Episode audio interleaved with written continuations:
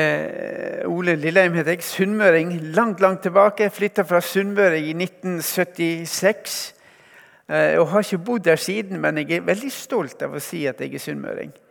Det jeg, jeg var der oppe i sommer, og jeg må si at Sunnmøre, når det er fint vær, det finnes ikke bedre plass i verden. Og Bergenserne liker det ikke, men jeg sier at Ålesund er kystens perle. Bergenserne mener at det er Bergen, men for oss sunnmøringer så er det der. Jeg har eh, fått i oppdrag av, av eh, Marius om å snakke litt om kall. Hvordan vet du, Ole, det livet du har hatt, hvordan visste du at det var i Guds kall? Og Det skal jeg snakke om. og Hvordan har du en trygghet i kallet? og Jeg har lyst til å bare dele litt av det jeg har fått lov å være med. Hvordan det hele begynte. Det begynte egentlig med, nettopp med broder Andreas. Han døde nå i september i fjor. Jeg fikk lov å være i begravelsen til han. Eh, og Da jeg var i begravelsen, så satt jeg og snakka med sønnen hans, Mark Pater. Han har tre sønner og to døtre. Og Så sa jeg til Mark Pater eh, hva står på gravsteinen til pappa. Og Så sa han eh, der står han gjorde det han ikke kunne. Han gjorde det han ikke kunne. Og Det forteller meg noe. Broder Andreas han sier at dere skal få se hva han sier. at Det var ikke det at Gud Jeg var så flink at Gud kalte meg. Men Gud så et potensial hvis han fikk lov å jobbe sammen med meg. Og Gud ser et potensial i alle av oss. Alle av oss har en gave som bare du har. Og jeg tror Det er så viktig at vi blir klar over det. Jeg skal komme litt tilbake til det. Og Når jeg ser på broder Andreas sitt liv når, når, han var ferdig med tjenesten han skulle gå ut av eh, fulltidsarbeid i Åpne dører han, og ikke være leder lenger, så sa de hva er det du har bygd på? Og fire ledere innenfor Open Doors, Johan Companion, Derek Stone og Celie Yates, fire mann som Gud brukte til å bygge opp Open Doors på verdensbasis, de satte seg ned og sa hva er det vi har bygd på? Og Her har du verdiene Uh, the core values, eller kjerneverdiene som åpner dører, som de sa dette er det vi har bygd på. Og når jeg satt og så på det, så tenkte jeg det som er det viktigste her, det er det som sies på det røde feltet We are a people of the Bible. Det er Bibelen som leder oss, og det er det som styrer vårt liv. Og alle de andre verdiene der, det handler om at vi bygger livet vårt på Bibelen. Og hva hvordan er det med deg og meg? Det finnes bare én broder Andreas. Og det finnes bare én Ole Lilleheim. Nesten. Nesten bare én Ole Lilleheim. Jeg, jeg er enegga tvilling. Så hvis dere treffer tvillingbroren min, så vil dere si at han har hørt talt i Salem. Og han sier jeg har aldri talt i Salem. Men jeg er en, sånn, jeg er en av disse som kan si at jeg er en perfekt feil. Av ett egg så ble det to. Og allikevel så er det Anders er Anders, han Ole er Ole, og det er forskjell. Alle, alle sammen har vi en gave som Gud ønsker vi skal bruke i hans tjeneste. Og For min del, hvordan var det? Hvordan begynte det? Jo, det begynte med broder Andreas. Jeg har fått lov å jobbe 35 år i dette med åpne dører. I heltidstjeneste. Og min vei ble inn i det som er åpne dører. Tvillingbroren min han gikk inn i Norsk Luthersk Misjonssamband. Han har vært 15 år i Afrika. Nå, han, nå I september denne måneden her, skal han reise til Afrika igjen. Han er blitt pensjonist, slik som jeg. I juni så avslutter jeg fulltidsarbeid med lønn. Nå er jeg frivillig i Åpne dører. Og jeg, jeg, så, jeg ble valgt inn i styret, så jeg sitter her i styret i Salem og prøver å være med å tjene menigheten her. Men hvordan begynner en tjeneste sammen med Gud? Hvordan og Vi tenker ofte at tjeneste sammen med Gud, da er du misjonær eller du jobber i misjonen. Men dere, alle kan ikke være det. Jeg kunne ikke ha reist ut i misjon om ikke folk står bak. Vi trenger folk som står bak, men jeg tror Gud har planer. Selv om det er en vanlig, sekulær jobb i Norge, så plasserer Gud oss der. Jeg pleier også å si det når jeg talte. I 2010 så var jeg forsamlingsleder her i Salem. og Da sa jeg min gudstjeneste som forsamlingsleder den begynner klokka 11 på søndag. Og den varer til klokka halv ett på søndagen. Da er min gudstjeneste møte ferdig, men dere som sitter i salen, deres gudstjeneste begynner fra halv ett på søndagen til neste søndag klokka elleve. For dere skal gå ut og være hans røst og hans lys der ute. På arbeidsplasser som ikke jeg som pastor kommer i det hele tatt. Men dere får en oppgave. Vi som pastorer vi ønsker å gi dere noe slik at dere har noe å gå med. Og dere, dere behøver ikke pastor for å lese denne boka. her. Hvordan begynte det med meg? Jeg fikk lov å være på en konferanse på Drottningborg i 1974, der broder Andreas var. Sammen med flere andre. Men han kom dit for å Sammen med Lorne Cunningham fra Youth with Mission og David Wang fra, fra Asian Outreach. De tre misjonslederne kom til Norge for å utfordre norsk ungdom til å bety en forskjell på verdensevangeliseringa. Og det broder Andreas sa på siste møte, så kom han med den at reis dere opp, dere som ønsker å gi livet deres i tjeneste for Gud. Reis dere opp, så skal jeg be for dere. Og husk en ting Gud tar over.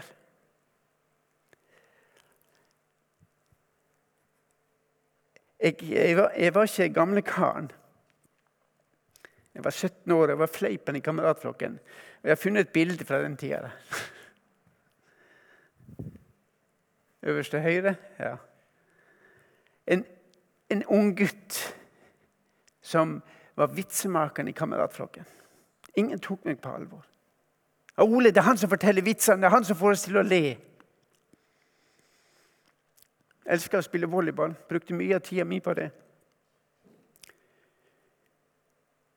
Og så sier bror Andreas Gi livet ditt i tjeneste for Gud. De av dere som ønsker å gjøre det, reis dere opp. Og vi var 80% av salen. Vi var 800 ungdommer. 80% av salen reiste seg opp og sto. Vi ønsker å tjene Gud. Og Broder Andreas han ble litt overraska. Han tok et steg tilbake og sa han, oi, hvis ikke du mener dette, så sett deg ned, for han kommer til å ta over i livet ditt. På den tida ante jeg ikke hva jeg skulle bli. Men jeg kan, jeg kan ikke fortelle hele historien, men jeg har lyst til å bare si det at i 1974 begynte en smuglergruppe ut fra den konferansen det som var Misjon bak jernteppet på den tida der. Og I dag så kaller de seg for Stefanusalliansen. Det var de som starta ei reisegruppe som smugla bibler inn til Øst-Europa. Og Jeg fikk lov å, jeg visste jo ingenting om dette. her. I 1978 ble jeg spurt første gangen kan du være med på tur til Polen. Ja, Hva da? Nei, vi, trenger, vi, vi er en flokk som driver og smugler bibler. Det er veldig hemmelig. Men vi ønsker å invitere deg og kona di, eller forloveden på den tida. Så ble jeg introdusert for det arbeidet. I 78 så reiste jeg første gang til Polen og var med og hadde med materiell til de kristne. Eh, I 79 så, så gifta jeg meg med, med, Berit.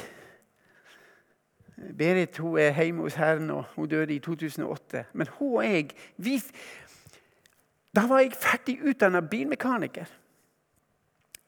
Da jeg var 17 år, så ante jeg ikke hva jeg skulle bli. Men Gud ledet meg inn i dette. Jeg fikk, lyst, jeg fikk lyst til å begynne med bil. Jeg hadde en kamerat som var kjempeflink med bil. Jeg fikk lyst til å gjøre det. Hvordan kunne du vite at det var Gud? Jeg vet ikke, jeg skal komme litt tilbake til det. Men jeg tror Gud leder oss, legger ting inn i oss. Det vi har lyst til. Av og til, hvis vi lever nært Gud, så leder han oss. Og så gir han oss lyst ut ifra hans vilje. Og i vi reiste etter at jeg var ferdig utdanna biltekniker. Jeg tok bilteknisk arbeid, nei, studie her, på, her på, i Stavanger. I løpet av den tida fikk jeg vite at det var en gruppe som de var smugla, og de trengte en bilmekaniker. Fordi de hadde biler som hadde doble gulv eller dobbelt tak eller en vanntank som var lite og tok lite vann, og kjempemange bibler. Og de turte ikke å sende dem til verksted, for da ville de oppdage at her er det gjort noe med den bilen. De trenger en bilmekaniker. Og Så fikk jeg lov å gå inn i tjeneste. I 1980 så reiste vi til Østerrike sammen med kona mi. Og, vi reiste, og Da hadde vi allerede vært på bryllupstur med bibelsmugling inn til Romania, Øst-Tyskland. og og det Vi og flytta til, vi flytta til eh, Østerrike. Østerrike lå sånn til at det lå inn i alle østeuropeiske land der det kunne nå oss. Og vi hadde Grossaras helt opp til grensa opp mot uh, Tsjekkoslovakia. Vi lå bare noen få kilometer fra Tsjekkia. Der var hovedsenteret vårt. Vi hadde hatt en base i Wilhelmsburg som vi kalte Wilhelm. På den tida der så hadde vi navn på alle. Hemmelige navn. Ingen forsto hva vi snakka om eh, når vi nevnte at 'jeg skal ta Harald'. Og Det var så hemmelig på den tida at vi kunne ikke snakke om det, fordi alle ville jo prøve å finne ut noen som smugla bibler. I hvert fall inn til Øst-Europa. Og og Hvis du ser på, på Europa på den tida, så hadde du da jernteppe. Og det er jo På østsida var det kommunistisk, og på vestsida var det Vest-Europa. var det fritt. Og Når du ser på det landet, da, eh, Europa, så reiste vi ut fra Østerrike. Og så reiste vi til disse landene her. Dere kjenner ikke disse landene her. Men dette var landene som vi reiste til. Berit, til Petter, til Willy, Magnus, Birger, Britt, Bård og Solveig. Hva var koden i det? Jo, altså hvis du reiser til, til, eh, til eh, Berit Berlin var hovedstaden i Øst-Tyskland. Da var det Berit. Praha var i Tsjekkoslovakia, ble det Petter. Warszawa ble Willy. Og så gikk vi etter hovedstaden. Sånn at når, vi om, når jeg treffer folk tilbake fra 80-tallet Jeg husker alt dette. Vi hadde til og med navn på alle bilene våre. Eh, som vi hadde. Og jeg kunne snakka mye om dette her, men jeg har lyst til å bare si at i 1983 så fikk jeg lov å være med i den gruppa som starta Åpne dører i Norge. Vi spurte broder Andreas kan vi få lov å drive dette her i Norge. Og Så fikk vi lov å starte opp, og så ble jeg spurt, fikk en telefon i, i, i, i september i, i 83. Kan du komme til Nederland? Vi trenger en bilmekaniker. Og I Nederland hadde de en garasje med fem mann som var fulltidsansatt. Som bygde smuglerbilene. Eh, og her har dere Jeg skal ikke si så mye om disse, her, men den øverste venstre er jo en av de eldste bilene med et, med et system som var så tjukt i gulvet. På den tida på, da vi begynte, kunne vi bygge tjukke systemer. På slutten Se på den lille kippen til venstre. Den, det er en liten campingvogn. campingvogn. Der var det 4,5 cm. Det var bare isolasjon i gulvet vi kunne legge systemet på. Så det ble mindre og mindre fordi det ble vanskeligere. Og i dag så har det vært vanskelig. Hvis de hadde bygd disse bilene i dag den, den uh, Traileren som står oppe, det blir jo fotografert, det blir gjennomlyst. Jeg ser med en gang at der ligger noe. Men vi hadde to eller tre trailere som hadde et hemmelig system, som jeg skal vise dere litt om. Men se på den Renaulten her nederst, der det står tre foran der. Det systemet der fikk, lov, fikk vi lov å være. Jeg skal bare vise dere, sånn at dere får se hva vi jobber med hvis dere ser på, på høyresida her, så ser dere kjøkkenbenken er vippa frem, og på venstresida så står han. Slik at når vi kom på grensa, så sto den kjøkkenbenken sånn flat. Og da vi skulle bygge den bilen, så hadde vi, Tidligere hadde vi alltid gjort på en spesiell måte. og Så satt vi alle disse fem mekanikerne satt inn i bilen og vi ba Gud vil du vise oss hvordan vi skal gjøre dette. Og så utvikla vi det systemet. Og denne Kjøkkenbenken er slik at når du vipper den frem, som du ser Og det gjør du ved å trykke inn en popnagel inn i et høl på høyre side, og så trykker du på en knapp under dashbordet som var skjult, og så sa det bare klikk, og så var den løs, og så kunne du vippe den frem. Og Da hadde du i hele veggen pluss vanntanken var full av bibler. Og Når du da hadde den åpen, så kunne du stikke hånda opp på venstresida og dra i en spak, og så datt. Så løsna øvre skapet, vippa ut, og så kunne du fylle taket. Da får dere et lite bilde på hva, hva vi drev og jobba med. Men vi hadde en, en som Derek Stone fra Sør-Afrika. Personlig så traff jeg han aldri, men han betydde så mye for oss. Og han har sagt Han var en av disse eh, som, som starta Åpne dører sammen med broder Andreas i Afrika, arbeid i Afrika. Og han, han, har sagt noe om dette å leve i nærheten med Gud, som jeg har lyst til å vise dere eh, før jeg går videre. Hvis lyden er på nå. Og det å jobbe i Guds rike, det gjør vi ikke fordi det er en god idé fra vår side. Men det er fordi det er Guds idé. Det er Gud som kaller oss inn i dette. her. Og Derfor pleier jeg å si at det handler ikke om åpne dører, det handler ikke om NLM. Det handler ikke om indremisjon eller nordmisjon. Det handler kun om én ting, og det er at det er Gud. Det er Gud som bruker alle disse forskjellige organisasjonene. Det er bare et redskap i hans hånd. Og så betyr det ikke så mye om Ole havner opp der eller der eller der, men det som betyr noe, er at jeg havner opp der Gud vil ha meg. Og jeg synes Det han sier, Derek sier i denne uh, historien, det handler ikke om hvor mye suksess vi har, hvor mye utdannelse vi har, men det det egentlig handler om, er om vi har fellesskap med Gud, vår far. Og Gud han lengter etter det. Han sitter og venter på oss. Jesus forteller den historien om den fortapte sønnen, der faren står hver dag og speider etter. Kommer ikke han tilbake? Kommer ikke han tilbake? Sånn er Gud. Han står der og venter hver dag. Det er den guden som har kalt deg og meg. Og hva slags kall har du og jeg som, som er kristne her på denne jorda? Hva slags kall er det vi har? Og Noen tenker med en gang på ja, det er det å reise ut, gå derfor ut. altså Det handler om å reise i misjon, men det er jo ikke det som er kallet vårt. For meg så har jeg konkludert med at mitt kall finner jeg i det som står i første kor 1.9. Og mange av dere som har hørt meg, har hørt han ordet si dette mange ganger. og Det ser ikke ut som at det kommer lenger. Det er noe Gud har lagt på mitt hjerte for å si til folk dere, Gud er trofast, han som kaller oss til fellesskap med sin sønn Jesus Kristus. Det er det vi har fått kall til å gjøre.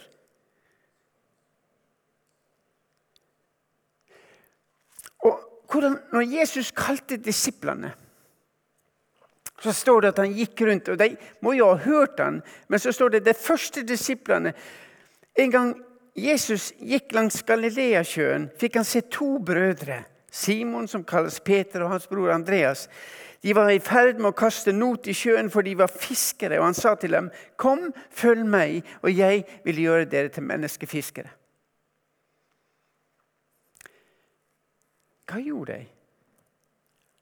Straks forlot de garna sine og fulgte han. Og Jeg sa det til Marius. Han sa hvordan vil du sette en overskrift på dette. her? Jeg sa det at troa sitter i beina. Hvis ikke du går, så kommer du til å stå på stedet hvil resten av livet. Det handler om å ta et steg, og jeg skal dele litt dere om akkurat det. Men jeg har lyst til å gå tilbake til det som jeg sa, at We are people of the book of the Bible. Bibelen er utrolig viktig for oss som tror på Jesus Kristus. og Derfor jobber Satan overtid med at ikke vi skal bruke denne boka. her. Og jeg, Det som du sa om, om smågrupper dere, Hvis det er noen som ikke er med i smågrupper, kom og si fra. Få dere ei smågruppe, for det er så flott. Der kan du være sammen. Dere kan fortelle til noen kan dere be for meg. Denne ting som ikke forstår denne boka, kan vi snakke om det? Og Satan jobber overtid for at ingen av oss skal lese denne boka. her. Og Jeg begynte å tenke på hvorfor ble Saul forkasta. I 1. Samuel 15 så finner vi historier om hvordan Samuel sier til Saul at du skal gå til amalekittene, du skal ta livet av kong Agag. Og, og, og det står at han skal utslette folket. Hvorfor det? Jo, fordi de tok ikke imot israelittene. Når de kom fra Egypt, så motarbeidet og det gikk til krig mot dem. Og Så blir Saul valgt til konge, og han får det oppdraget. Og Han går ut i krigen, og Samuel kommer da til leiren etter at de hadde gått til krig mot amalekittene. Og så sier Samuel, 'Har du gjort det Herren sa at du skulle gjøre?' Samuel, Saul sier, 'Ja, vi har gjort etter Herrens ord'. Og Gud hadde sagt at han skulle ta, ta livet av absolutt alt. Så sier Samuel, 'Jeg, jeg har spart kong Agag.' Og så sier Samuel, 'Ja, men hva er det jeg hører? Breking og rauting?' Og Så sier Samuel ja, ja, du skjønner, folk har tatt vare på det fineste av sauene og eh, og, og, og, dyr, slik at vi kan ofre det Herren. Det hørtes veldig fint ut. Vi har tatt vare på det for at vi skulle ofre. Men Gud hadde sagt ta livet av alt. Og, det, og for, meg, for meg så forteller det noe om Gud fordi at Samuel hadde gjort nesten 90% av det Gud hadde sagt. Eller, han har gjort mye. Han har tatt livet av alle unntatt kongen og noen sauer og dyr. Men Gud han sa du må holde mitt ord. Bare da kan jeg velsigne deg. Og så sier Samuel til Samuel, nei, til Saul, da han sier at 'jeg har gjort det Herren sa', og 'jeg har bare tatt med meg noe for å ofre', så sier Samuel, 'har Herren sin glede i brennoffer og slaktoffer like mye som i lydighet mot Herrens ord?' 'Nei, å adlyde er bedre enn slaktoffer, og lytte er bedre enn fett av værer.' Gud er ikke ute etter pengene våre. Når det gjelder misjonsarbeid, så hører vi ofte at å, vi trenger penger fordi at nå går det nedover. Men dere, Gud er ikke ute etter pengene våre. Han er ute etter lydighet mot Hans ord. Og da vil det med penger Det vil komme.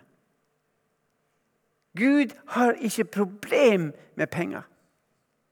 Han har store problem med mitt hjerte. Da apostlene ble spurt av disse som jobber i tempelet, betaler deres mester og herre tempelskatt? Når Peter kommer tilbake til Jesus, så sier Jesus til han, Peter, gå ned til vannet og kast ut en krok. Og Den første fisken du får opp, åpne opp munnen på han, så tar du ut den mynten som du finner, en stater, og så går du og betaler skatt for deg og meg. Det er humor med Jesus. Han sier, 'Peter, penger er ikke mitt problem.' Det er hjertet deres som er mitt problem. Og Det som Samuel sier i vers 25 i kapittel 15 her For trasse, spådomssynd og ulydighet er, avguds, er som avgudsdyrkelse. Fordi du har forkastet Herrens ord, har han forkastet deg som konge. Og dere, Vi lever i en tid i dag der hele frie, vestlige verden Der vi ser at mange er i ferd med å ta vekk det som ikke passer oss.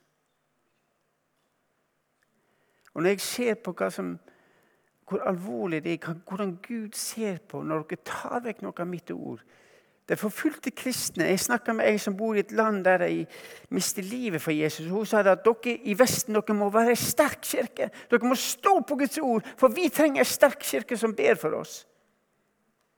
Og dere sårer oss hvis dere kompromitterer Bibelen. Hvis dere tar vekk noe av Bibelen, for vi er villige til å dø for det. De utfordrer oss. Og dere som har lest Salme 119 Salme 119 er en fantastisk salme. og jeg, jeg leste nå, jeg leste det flere ganger, men nå før jeg gikk hit, så tenkte jeg dere går hjem igjen det, det, er det lengste kapittelet i hele Bibelen, men dere når dere går hjem igjen, les den salmen. Den er fantastisk i forhold til dette her med Guds ord.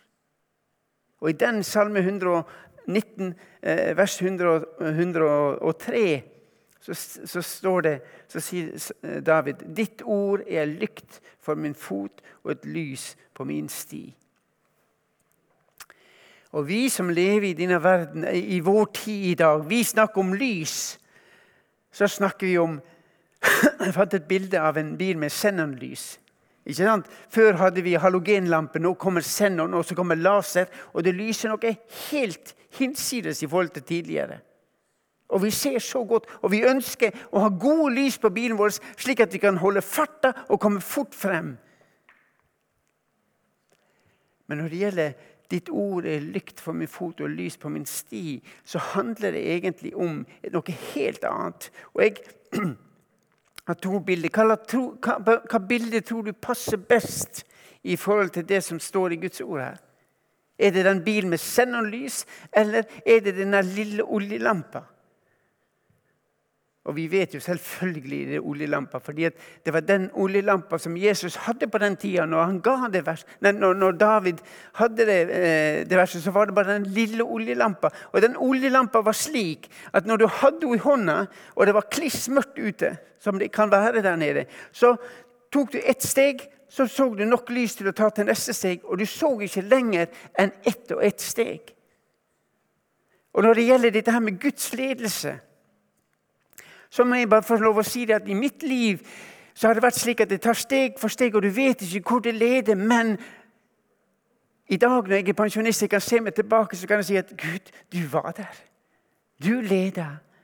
Du leda steg for steg. Og hemmeligheten for meg var det at jeg tok steg for steg. Og det var en som sa det at hvordan er det med Guds ledelse? Han sa det at det å være i Guds ledelse, det å være i bevegelse. Jon Kompanjen, som var verdenslederen på den tida i Åpne dører, han sa det at det å bli ledet av Gud Jeg har et bilde på det, sa han. Så, så ga han et bilde om et skip. Et stort skip.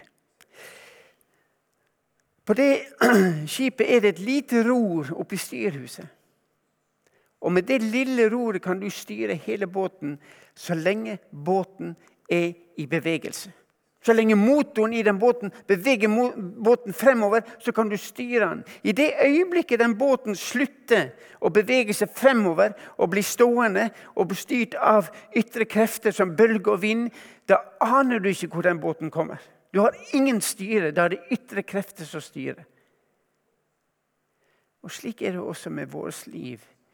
Hvis ikke vi har en rettesnor i vårt liv, som er denne boka her, så vil vårt liv bli påvirka av alt det som kommer fra utsida. Og vi vil bli slik som Peter var da han traff Jesus. Jesus beskriver Peter. Han, han sier Når Peter blir kalt, så sier han 'Du er Simon'. Og det betyr Egentlig betyr det at han var som et strå som bevegde seg alt etter hvor vinden blåste. Du er Simon. og det, På hebraisk, på språket da betyr det det er en du ikke kunne stole på. For han var enig med sist nevnte taler. Han ble styrt fra utsida hele veien. Men så sier Jesus, 'Men du skal bli Peter'. Og det betyr klippen. Og Etter tre år sammen med Jesus så ble Peter forvandla fra å være en du ikke kunne stole på, til å bli klippen som han bygde si menighet på. Og forandringa kom sammen med Jesus i fellesskap. Gud er trofast, han som kalles det fellesskap med sin sønn Jesus Kristus.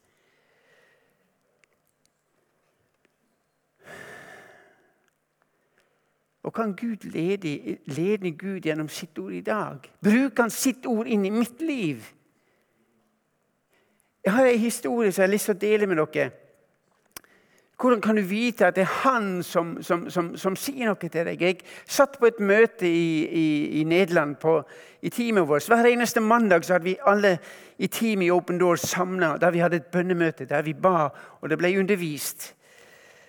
Og På et av disse møtene så ble det presentert et prosjekt som vi kalte Ester. Prosjektet gikk ut på at vi skulle ta én million bibler inn til Sovjetunionen. og Dette var i 1984. Og På den tida var det hermetisk lukka. Og alt som måtte inn til Sovjetunionen, måtte smugles. Og når vi hørte at Gud hadde lagt det på lederne sitt hjerte at vi skulle ta én million bibler inn til eh, Russland, så tenkte vi det er umulig. Men Gud når han åpenbarer sin Og folk fikk et hjerte for det. at dette skal vi gjøre. Og På det møtet så sier, opplevde jeg at Gud kalte meg til å gi vekk noen penger som vi hadde fått. Vi hadde fått noe penger eh, når vi bodde i Nederland. Eh, en arv. Og Gud sier til meg, 'Ole, du skal gi de pengene til det prosjektet.'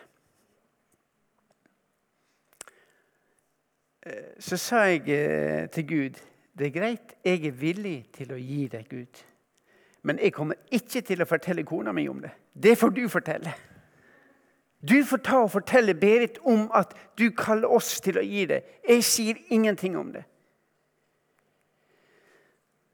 Så gikk det ei uke, og neste mandag var vi på møte igjen. og Det ble snakk om Ester. og Når vi kommer ut i bilen, så sier Berit eh, Ole, jeg tror at de pengene vi fikk i arv Jeg tror vi må gi dem vekk.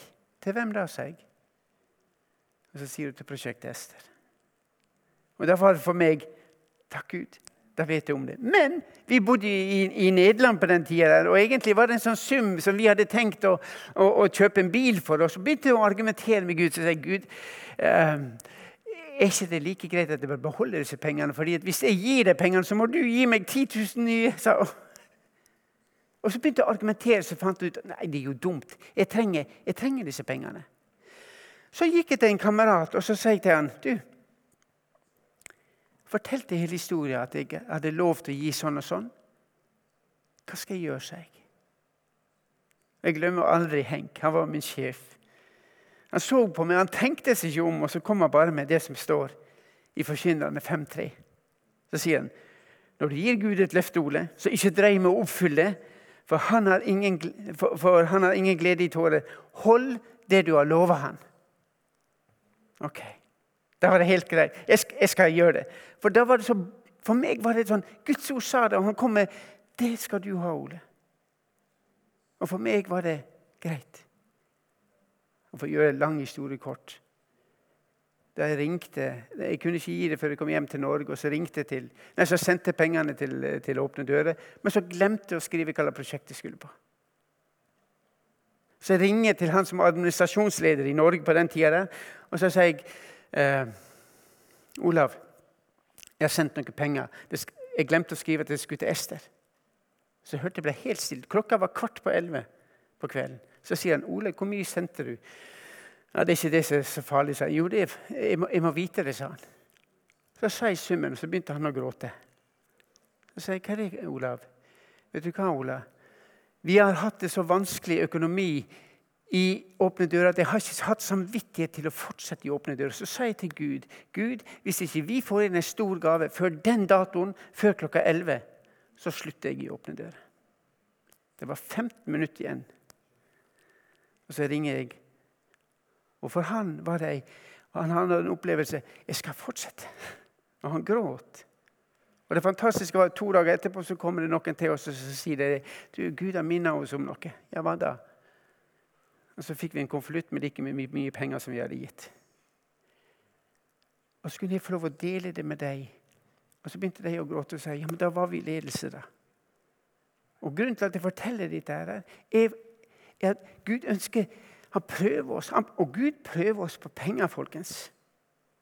Gud prøver vårt hjerte på penger, for det står i Matteus 6 du kan ikke tjene Gud og mammon. Og Det er helt utrolig at han sier det. Du kan ikke tjene Gud og mammon. Og mammon har med verdier å gjøre. Det var en som sa til meg, Ode, sa han, det er ikke galt å ha en fin bil. Det er ikke galt å ha et fint hus. Det er ikke galt å ha en jobb der du tjener mye penger. Men i det øyeblikket alle disse tingene som vi har, i det øyeblikket de blir mer viktige enn personene rundt oss, da har vi et problem. Vi trenger Penger er en velsignelse. Noen sier at penger er roten til alt ondt. Nei, det stemmer ikke. Det er kjærligheten til pengene som er roten til alt ondt. For mitt hjerte blir bundet til det. Penger er en velsignelse når det blir brukt på rett måte. Men i hvert fall det, for meg er det slik at Gud bruker sitt ord for å befeste det han legger i hjertet vårt. Og Derfor er det jeg takker Gud for Henk, at han kunne gi meg det verset. At han hadde lest i denne boka, at han visste at det står noe om det. Om Gud hadde min tenke om det verset den dagen, det aner jeg ikke. Men sånn fungerer Gud, folkens. Når vi leser Guds ord, det er ikke bare for oss sjøl, men det er for å kunne gi til andre òg. Og Guds ord da, det var åpningshelg her, så ble, så ble det jo nevnt Johannes 15, dette her med vintreet. Jesus sier, 'Jeg er vintreet, dere er greinene'. Den som blir i meg og jeg i ham, bærer mye frukt, for uten meg kan dere ikke gjøre noen ting. Den som ikke blir i meg, blir kastet utenfor som en grein og visner, og greinene blir samlet sammen på, og kastet på ilden, de brenner. Hvis dere blir i meg, og mine ord blir i dere, da be om hva dere vil, og dere skal få det. For ved dette blir min far æret, at dere bærer mye frukt og blir mine disipler. Jesus gir oss et utrolig løfte her. Han sier 'jeg er vintreet'. Dere er greinene. Det betyr at du og jeg, sier han, vi hører sammen. Jeg var på bibelgruppe nå for ikke så lenge siden, og så var det en som sa det at uh, Jeg sa det, jeg sa det at Det er alltid noe i alle mennesker som søker, som leter etter Gud. Og Hvis ikke du fyller Gud med det, så fyller du det med noe annet. Det være seg ateisme, eller det være seg hinduisme eller buddhisme. Så sa han, 'Hvorfor sier du det?' Jo, fordi at i skapelsesberetninga står det at vi er skapt i Guds bilde. Du, alle mennesker er skapt i Guds bilde. Og vi er, vi, vi er, skapt som individer, og vi har noe i oss som bare Gud kan fylle. Og hvis ikke Han får den plassen, så fyller vi det med noe annet. Automatisk. Og det er det som gjør For han sa det at hvorfor, hvorfor leter Gud etter, etter, etter andre guder i hinduismen, i buddhismen? Jo, det er fordi den lengsel etter Gud. Og hvis ikke de får høre om Gud, så fyller de ikke det med Gud. Men i oss har vi noe som roper etter den kontakten. Og Jesus sier når vi får den connection, så er du og jeg et vintre. Jeg er vintreet, dere er greinene. Vi hører sammen. Dere kan be om hva dere vil. En sa til meg Ole, du kan ikke reise rundt i Norge og forkynne det at du kan be om hva du vil. For da, hva vil ikke folk begynne å be om? Jeg vil ha en god jobb, jeg tjener mye penger. Jeg vil ha ei eh, flott kone som jeg kan være stolt av. Jeg kan ha en flott mann som jeg kan være stolt av. Jeg vil ha en mann som tjener mye penger. Men det Jesus sier her Han sier at hvis dere blir i meg, og mine ord blir i dere, så kan dere be om hva dere vil. Fordi at hvis vi blir i ham, så vil du og jeg bli forvandla på samme måte som Peter gikk fra å være en du ikke kunne stole på, til en han bygde klippene sine på. Hvis dere blir i meg, så vil dere ikke begynner å be om deres behov. Dere begynner å høre som Jesus, dere begynner å se som Jesus, dere begynner å be som han. Dere begynner å slutte å tenke på dere sjøl. Da Jesus blir forklart på, på, på, på fjellet så sier, Peter, så sier Peter la oss bygge tre hytter. Ei til Moses, ei til Elia og ei til deg, Jesus. En afrikaner han sa det at legg merke til hva Peter sier. Ei hytte til Elia, ei hytte til Moses og ei hytte til Jesus. Han snakker ikke om ei hytte til seg sjøl. Fordi at når du ser Jesus, så glemmer du dine behov. Da begynner du å se andre sine behov. Og Jeg syns det er et nydelig bilde. Peter han nevnte ikke seg sjøl. Han vil bygge for de andre.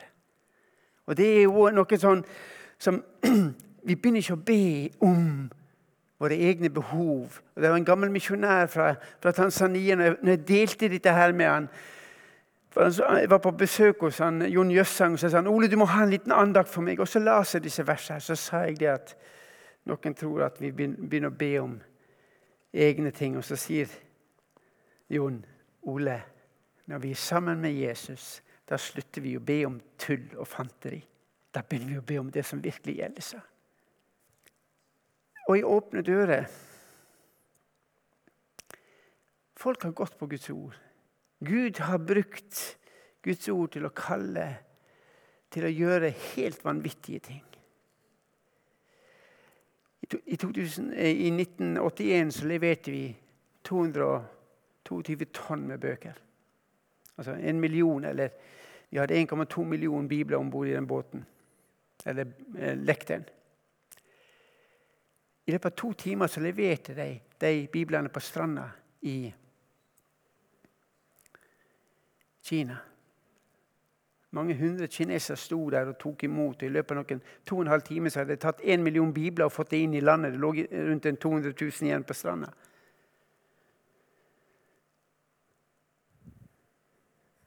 De brukte ni måneder på å forberede seg. Her ser du jeg drev og pakka biblene i, i Hongkong. Hver, hver, hver, pakke her veide ett tonn. Jeg snakka med de som var i ledelsen av Open Doors. Jeg sa at du var i Østerrike på den tida. Hadde vi visst, visst om deg, Ole, så hadde du vært med på det, på det oppdraget. der. Vi var desperat på folk med teknisk utdannelse. Men flere, to av kameratene mine var med. Og jeg har en liten film om Kår. Han, han som, forteller her nå, det er på engelsk. Jeg regner med at dere forstår det. Han er den som har smugla mest bibler i hele verden. Og han som kjørte eh, S-bilene. Hver gang han kjørte inn til Romania eller Polen, så hadde han 2000 bibler med seg. Og vi møtte han om natta. Jeg skal komme og, dele litt med dere etterpå. Hvis vi har tid, da. Men hør hva Kål sier. Dette er av, noen av de tøffeste karene. Det som ble sett på Vi garasjen, var liksom macho-guttene. Det var de som var ja, garasjen. Men hør hva Kår sier. Når vi er på stranda, og jeg tok og intervjua Kår og Der er vi på stranda der de leverte. Det er 30 år seinere. Nei, det er 40 eh, år seinere, etter at de hadde gjort det sammen med kineserne. Og så intervjuer han. Hør hva han sier nå. Har du Skal vi se Har du, har du lyd der? Sånn. Og det, Jeg fikk lov å være sammen med deg på stranda, og alle disse guttene eller mennene som var på båten, det var 22 stykker på båten, de sa det var ikke oss. Det var Gud. Uten Gud så hadde vi aldri kunnet gjøre dette. her. Og Boka kaller dem én million mirakler. Det trengte så mange mirakler for at dette skulle skje. Og De fikk lov å se det i løpet av ni måneder så fikk de lov å se hvordan Gud gjorde det.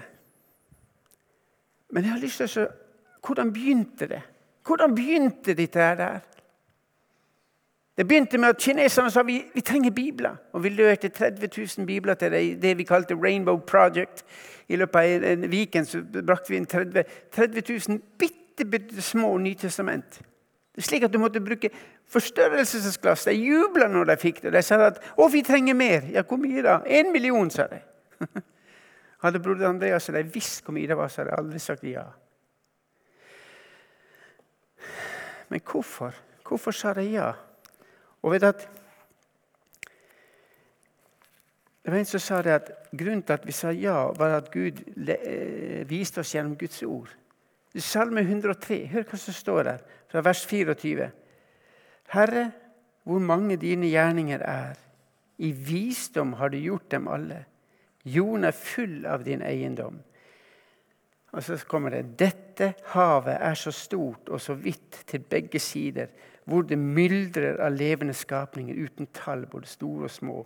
Der seiler skipene omkring, og der er levitan, som du har dannet for å leke der. Alle venter de på deg, at du skal gi dem mat i rette tid. Det du gir dem, samler de inn du åpner din hånd, og de mettes ved det som er godt. På de to versene opplevde de Gud, du kaller oss til å gi det de spør etter.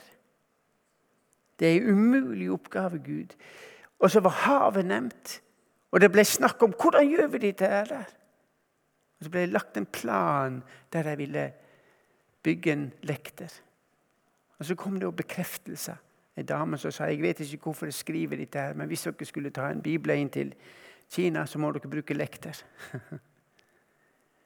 men, og jeg tenker på lederne våre som bruker et Salme 103. Det var det som var det utløsende. Dette går vi for. Guds ord leder oss. Og igjen så sier jeg denne boka her ønsker Gud at vi skal lese mer. Og Dere skal slippe å si det, men 15 minutter per dag så leser dere denne boka fra perm til perm på et år.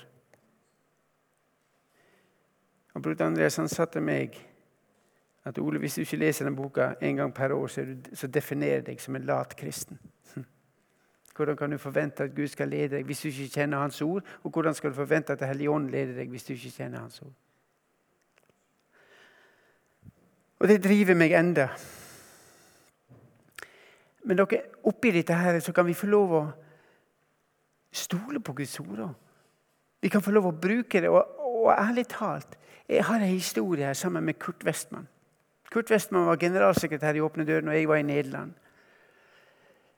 Vi skulle smugle bibler, og det var S-prosjektet. De, store trailerne der vi tok inn 2000 bibler.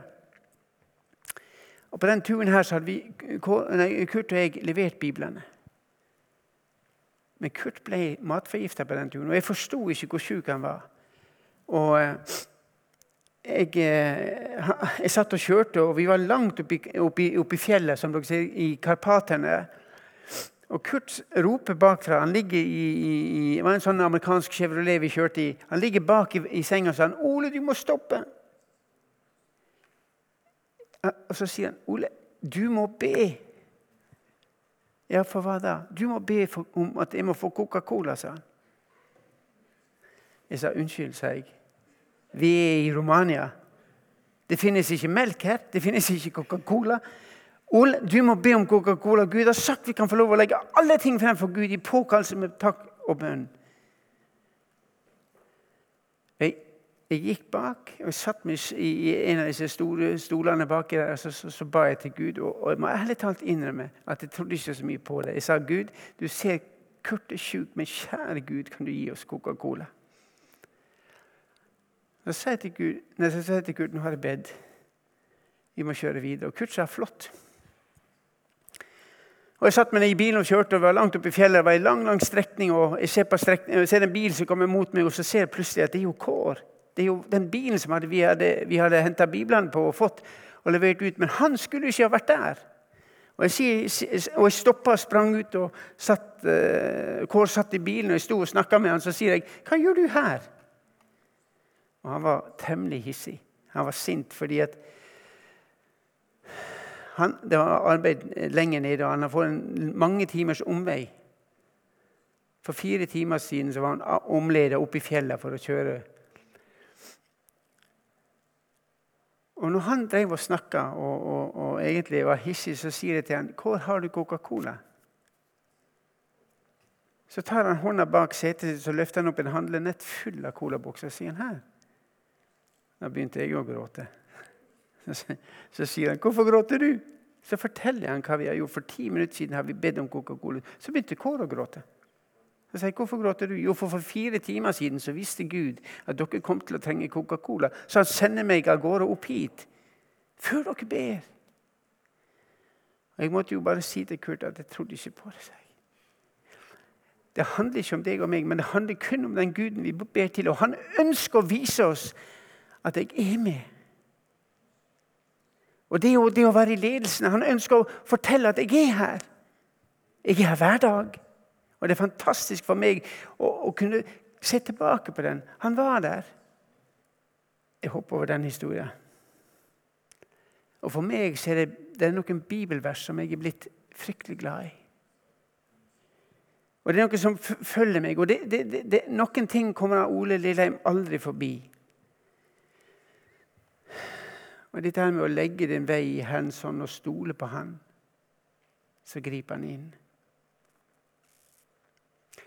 Det å sette livet sitt i Hans hånd og si 'Gud, dette får du ta deg av'. Gud er trofast som kaller han Ole til fellesskap med sin sønn. Herren Jesus Kristus. Og Fellesskapet går gjennom denne boka. her, Det går gjennom smågruppene. Det går gjennom menigheter der vi går. Og det som Gud minner meg om i 1. Samuel, at det handler ikke om å gi offer til Gud. Men det handler om å høre på Hans ord. Og det fantastiske ordet i vers i Jesajas 55 at 'mitt ord skal ikke vende tomt tilbake til meg før jeg har fullført det jeg vil'. Og så står det og istedenfor tornekratt skal det vokse opp sypresser, og istedenfor nesle skal det vokse opp myrter. I mitt liv er det tornekratt, i mitt liv er det nesle, men Gud kan forvandle det gjennom sitt ord. På samme måte som han forvandla Peter til å bli den han ble. Og mot slutten av åpenbaringsboka 3.20 sier Jesus at se, jeg står for døra og banker. Og om noen hører min røst og lukker opp, så skal jeg gå inn og holde måltid med han. Jeg med han, og han med meg. Og så har jeg lyst til å si, og dette her sier jeg ofte Dette er sagt til oss som tror. Det er ikke sagt til hedningene. Og Det er nesten utrolig at Jesus sier det. Ole, jeg står for døra, døra di og banker. Og hvis du, Ole, hører min røst og lukker opp, så skal jeg komme inn. Og Jeg sa det til Gud en gang at Gud, jeg trodde jeg hadde gjort det i 1970 da jeg var 14 år. Første gangen jeg sa Jesus, jeg ønsker at du skal komme inn. Jeg var vokst opp i en kristen heim, men jeg ønsker å, å, å tjene deg. Så, sa jeg, så jeg opplever jeg at Jesus sier ja, men Ole, lukker du opp til meg når du blir sint, når du blir såra, når du blir bitter og lei deg? Slipper du meg da inn? Og det oppdager jeg at dette er vi nok må gjøre hver dag. Jesus, kom inn. Kom inn i livet mitt. Og så sitter vi kanskje og så sier vi, ja, men jeg er ikke kvalifisert til å, til å begynne å jobbe. sånn sånn. Det handler ikke om hva vi skal jobbe med, det handler om hvem vi skal leve med. Vi skal leve med Jesus Kristus. Og Jesus, nei, eh, eh, Broder Andreas han, han, sa noe fantastisk. At Gud kaller ikke de kvalifiserte, men han kvalifiserer de han kaller. Jeg var ikke den beste bilmekanikeren. Men likevel så valgte Gud meg der. Og jeg husker Sjefen min sa det, han sa det også til meg. Ole, du er kanskje ikke den beste mekanikeren, men Gud vil ha deg her. Vi trenger deg for den du er. Og Det var fantastisk å få lov å være der og få lov å være med på dette. her. Og så har jeg lyst til å si, si som Kål sa, det handler ikke om oss. Det handler ikke om Ole Lillem. Det handler kun om hva Gud kan gjøre gjennom mitt liv, gjennom ditt liv. Og Han ønsker å gjøre noe. Han ønsker at vi skal være lys og salt. Og Noen snakker om at å være lys det er en prestasjon. Da må vi stråle ut. Vi må være kristne så alle ser det. Det handler ikke om det. Det handler kun om relasjon med Jesus Kristus. Ikke prestasjon, men relasjon med Jesus Kristus. Og Dette her som står i, i, i salmene, salme 37, 'Legg din meg i Herrens hånd og stol på Han, Han skal gjøre det'. Og Jeg ble merksom og på verset som står foran, der står det Ha den lyst i Herren, så gir Han deg alt ditt hjerte begjærer. Og Jeg syns det er fantastisk. Av og til jeg fikk lyst til å bli bilmekaniker. Det var en som sa ja, 'Hvordan kan du vite at det er fra Gud?' Jeg vet ikke, men det ble laga en lyst i meg. Ole, jeg hadde lyst til å utdanne meg til bilmekaniker. Og Senere har jeg sett at det var jo Gud som la det ned i hjertet mitt og skapte den lysta. Av og til så tenker vi at nei, det er våre egne tanker, men Den hellige jobber gjennom livet vårt, og han legger ting ned som kommer ut som det har lyst til å gjøre. Og det bildet her Sett din vei i hennes hånd. Dere, det kan storme. I mitt liv har det vært mange stormer. Da jeg mista kona mi i 2008 Alle de bibelversene vi fikk på den tida da hun lå syk dere, Det er ikke den bibelen, det er en annen bibel jeg har. Og den er full av sånne lapper. Som vers som vi fikk. Og jeg trodde at det var til Berit. Og det var det for så vidt men seinere har jeg sett at Gud ga meg mange av disse versene. For at jeg skulle klare å stå. Gud var med. Og Gud er ikke blitt mindre fordi vi har mista ei kone. Jeg har fått en ny, jeg òg. Men Gud har ikke glemt oss. Gud glemmer oss aldri. Men mange ganger så tror vi at Gud har glemt oss. Det var En som sa det til meg. Han var så bitter. Han sa at 'Gud har glemt meg'. Så så jeg på han og sa det stemmer ikke etter, mitt, etter det som står i Bibelen. Hva du mener da? Det står at Jesus vil aldri slippe oss. Hvis det er noe som har skjedd her, så er det du som har sluppet han. Så begynte han å gråte. Det var helt rett, det er jeg som har sluppet han. Så fikk vi en samtale der vi fikk lov å be sammen. Men dere, Jesus han er trofast.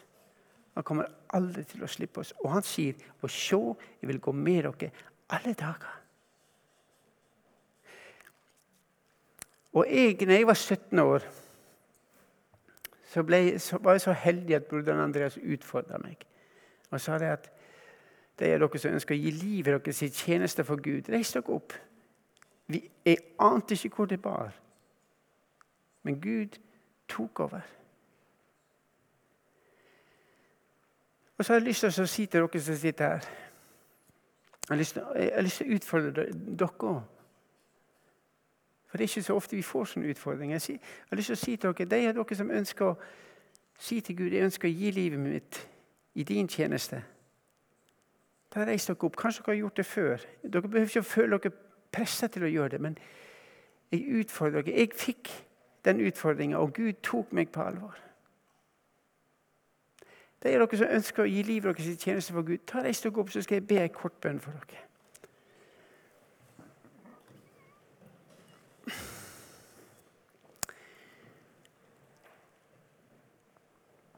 Takker deg, Herre Far. Jeg takker deg, Far, for at du elsker oss. Du elsker oss slik som vi er. Takk at du var døde for hver enkelt av oss. Om vi sitter eller står, så elsker du oss. Og så ser du de som har reist nå, Herre Jesus. Jeg ønsker å innvie livet sitt i tjeneste for deg. Takk, Herre Jesus, at du tar deg på alvor. Du har sagt det. Du ønsker et villig, du ønsker et villig liv til å si ja. Og da tar du over. Når vi setter, de ønsker å sette sitt liv i din hånd, far. Da er du trofast, og du tar over. Og vil du veilede deg, Jesus? Vil du la de gavene som de har fått i livet sitt, bli brukt til de Herre Jesus? Gi det frimodighet òg, og la det få lov å erfare Jesus, at dag for dag så leder du stegene deres. Og så ber jeg, vil du komme med din Hellige Ånd til oss alle sammen, slik at vi får lyst til å lese ditt ord. At ditt ord blir en lykt for deres fot. Jesus velsigne deg. Jeg ber, fyll deg med din Hellige Ånd, slik at ditt ord blir virkelig en lykt for deres fot og en lys på deres sti. Velsign deg. Gå i fred og tjen Herren med glede. Må Gud velsigne dere alle sammen. Amen.